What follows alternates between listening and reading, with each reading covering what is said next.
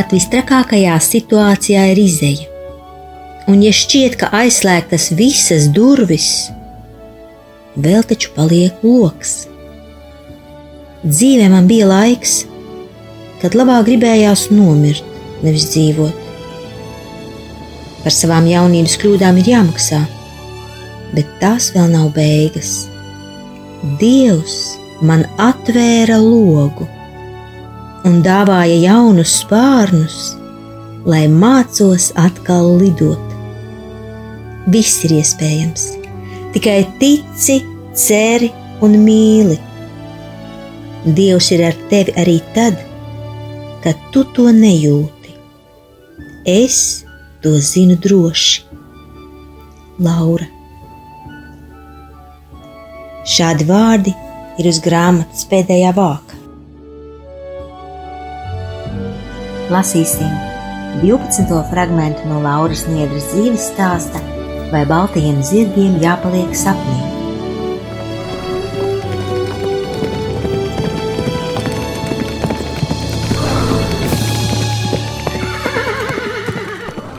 Kad Gatis ir prom, ģimenē iestājas neparasts miers, līdzsvarotība un kārtība.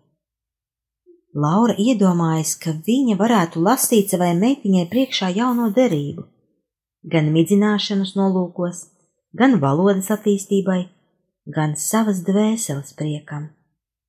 Šie brīži izvēršas par patiesi jaukiem, dziļi garīgiem un stiprinošiem.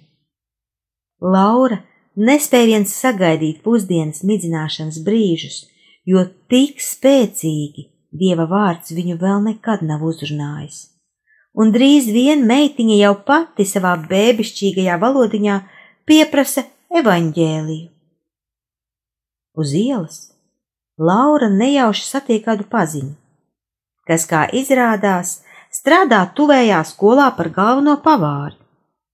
Šī sieviete, zinot, cik grūti Laurai savilkt galus kopā, uzaicina meiteni katras dienas pēcpusdienā ienākt pie viņas virtuvē pēc pārpalikušajām zupām un putrām. Laura šo piedāvājumu pieņem pazemībā un pateicībā. Viņa nemaz nejūtas apkaunota. Viņa domā par saviem bērniem. Un tā būs liela palīdzība grūtajā ikdienas dzīvē. Gatis to nedrīkst uzzināt, jo viņam nepiemīt šāda vienkāršība. Viņš negrib pieņemt palīdzību ne no viena. Bet ko Laurai darīt, ja Gatis nedod naudu un meitene dzīvo tikai no bērna pabalsta? Tā šī palīdzība paliek kā noslēpums.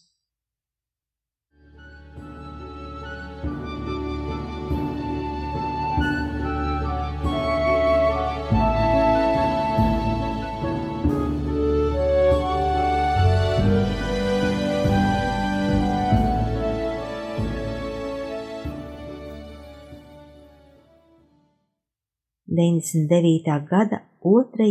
jūnijā. Mums ir svētki, patiešām lieli svētki! 31. maijā tev parādījās pirmā zoba galviņa. Tas ir uz robežas starp 8 un 9 mēnesi.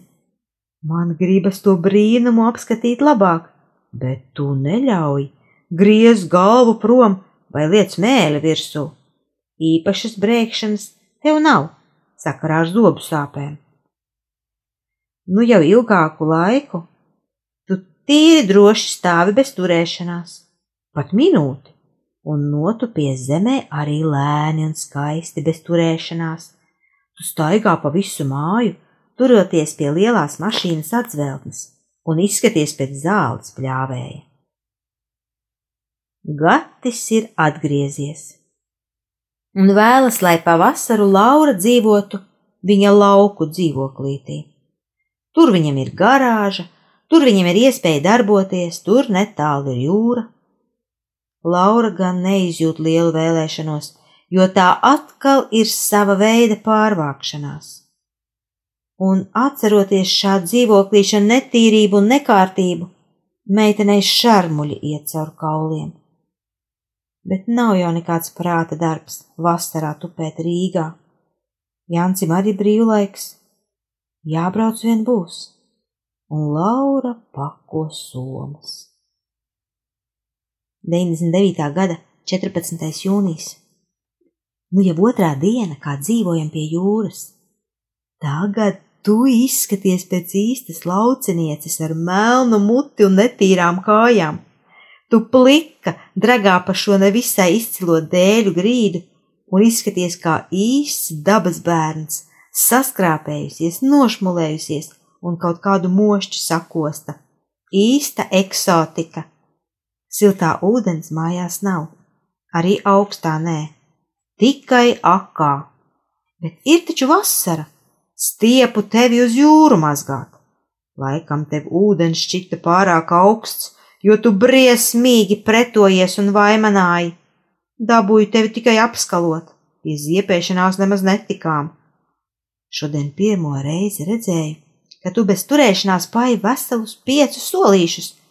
Jānis jau man sen teica, ka esot to redzējis, bet es neticēju. Tu tiešām mani pārsteidzi.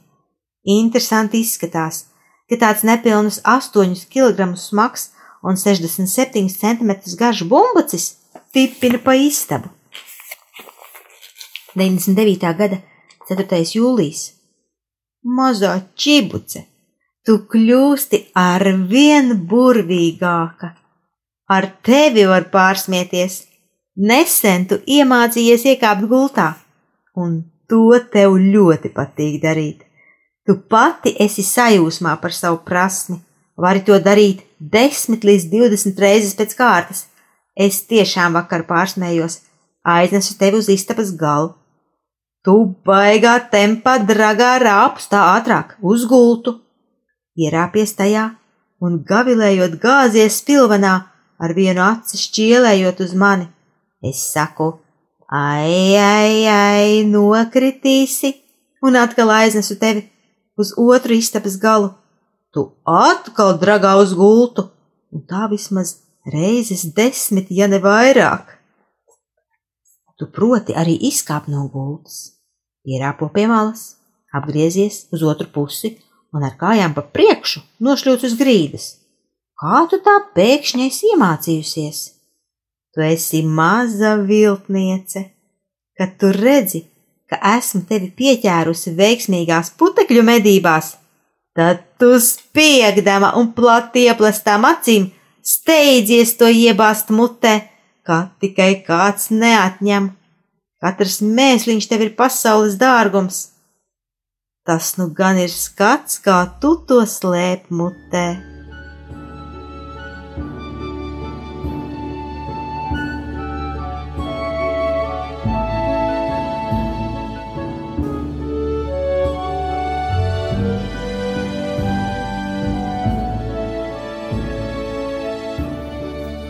99. gada 2. augusts. Ak, tu mazā mukse! Mukse tas nozīmē tā, kura visu laiku mūk. Tu nu gan esi forša! Tu tik garšīgi smejies, ka tevi kutina, un vispār tu esi liela gudrniece. Tev ir tikai 11 mēnešu, bet tu jau proti novilkt sev bikses. Tu to dari bieži, un tad spēlējies ar tām. Tu proti arī atrast krūti, rausti un plūkā kreklu tik ilgi, kamēr atrod. Uz zīšanu joprojām tu esi ļoti kāra, tev tas ir kā saldējs ēdiens, un joprojām tu mosties arī naktīs. Tas gan ir slikti. Kā tu domā, vai es neesmu nogurusi? Vispār jau nav tik traki. Garīgi jau sen esmu gatava izauklēt otru mazuli. Tik ļoti, ļoti gribas.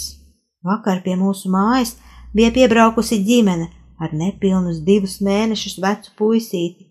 Tik spēcīgu magnētu sen nebiju sajutusi. Nezinu vispār, kas ar mani notika.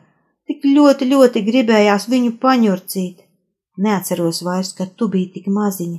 Tiešām neatceros. Kā tas varēja būt? Kā mazā mukse tikai gulēja un nedarīja nekādas blēņas. Nesen tētis sāka tevi audzināt. Tas vairs nav izturams, kā tu visu grāb. Jau Jānim apēdi skolēnu apliecību, bilde vien pāri palika.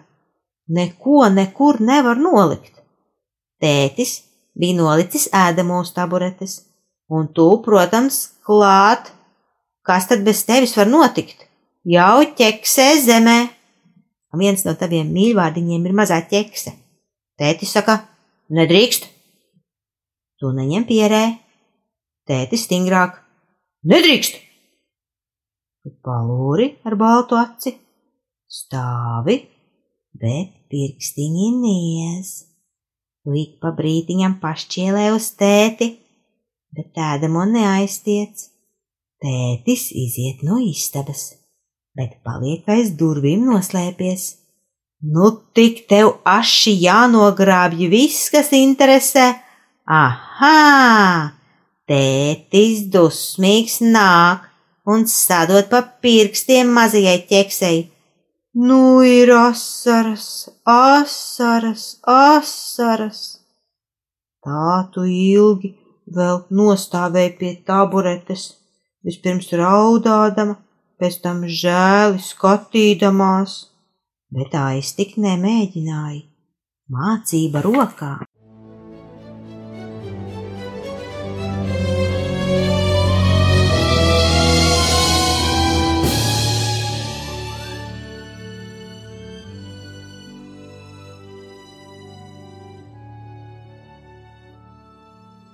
Deviņdesmit devītā gada 9. augusts. Tev gan bija piedzīvojumi, Tikko atgriezāmies no kristīgās bērnu nometnes, un tu tur biji jaunākā dalībniece. Skraidīja pa nometni kā lielā. Dažas dienas pirms nometnes sākām mācīties staigāt pa āru. Vispirms ar zeķītēm, tad ar kūrpēm. Izmēģinājām arī pagalmā vienu nakti gulēt teltī. Tā sagatavojušies, devāmies uz nometni. Pirmā diena bija tik karsta, ka tu bizoji apkārt vienā pamperī, un plikām kājām, pliķējot nabaga suni, negro. Tu draudzējies ar visiem un ar interesi pētīji apkārtni. Tu taču nekad vēl nebija tā laista staigāt apkārt. Tev tas ļoti patika. Dažādu vecumu meitenes pēc tevis stāvēja rindā, lai dabūtu tevi paauklēt. Tāpēc es ar mierīgu sirdi devos savos darbos, nometnes sagatavošanā. Tev nemaz mammas netrūka, tev bija pārāk interesanti, lai vēl domātu par mammu. Kad pienāca vakars, teltī tevi iemidzināju un aizgāju vēl savos darbos. Pēc brīža nāku viena no tavām auģu mamām ar tevi uz rokām un stāsta. Skatos, Elīze, viena pati tumsā staigā gar teltīm un raud. Nu, labi, ka tu raudāji un tevi sadzirdēja citādi būtu aizgājusi nezinu kur mežā. Tagad pēc nometnes tu esi kļuvusi gaužām niķīga, laikam pārāk pieradi pie brīvības, vairs neproti vai negribi gultiņā iemigt. Brēc tā, ka skurstens līgojas tādā riebīgā, niķīgā tonī, un ratiņos arī vairs negribi sēdēt, tikai brīvībā, tikai uz savām kājām, tikai prom zaļā pļavā.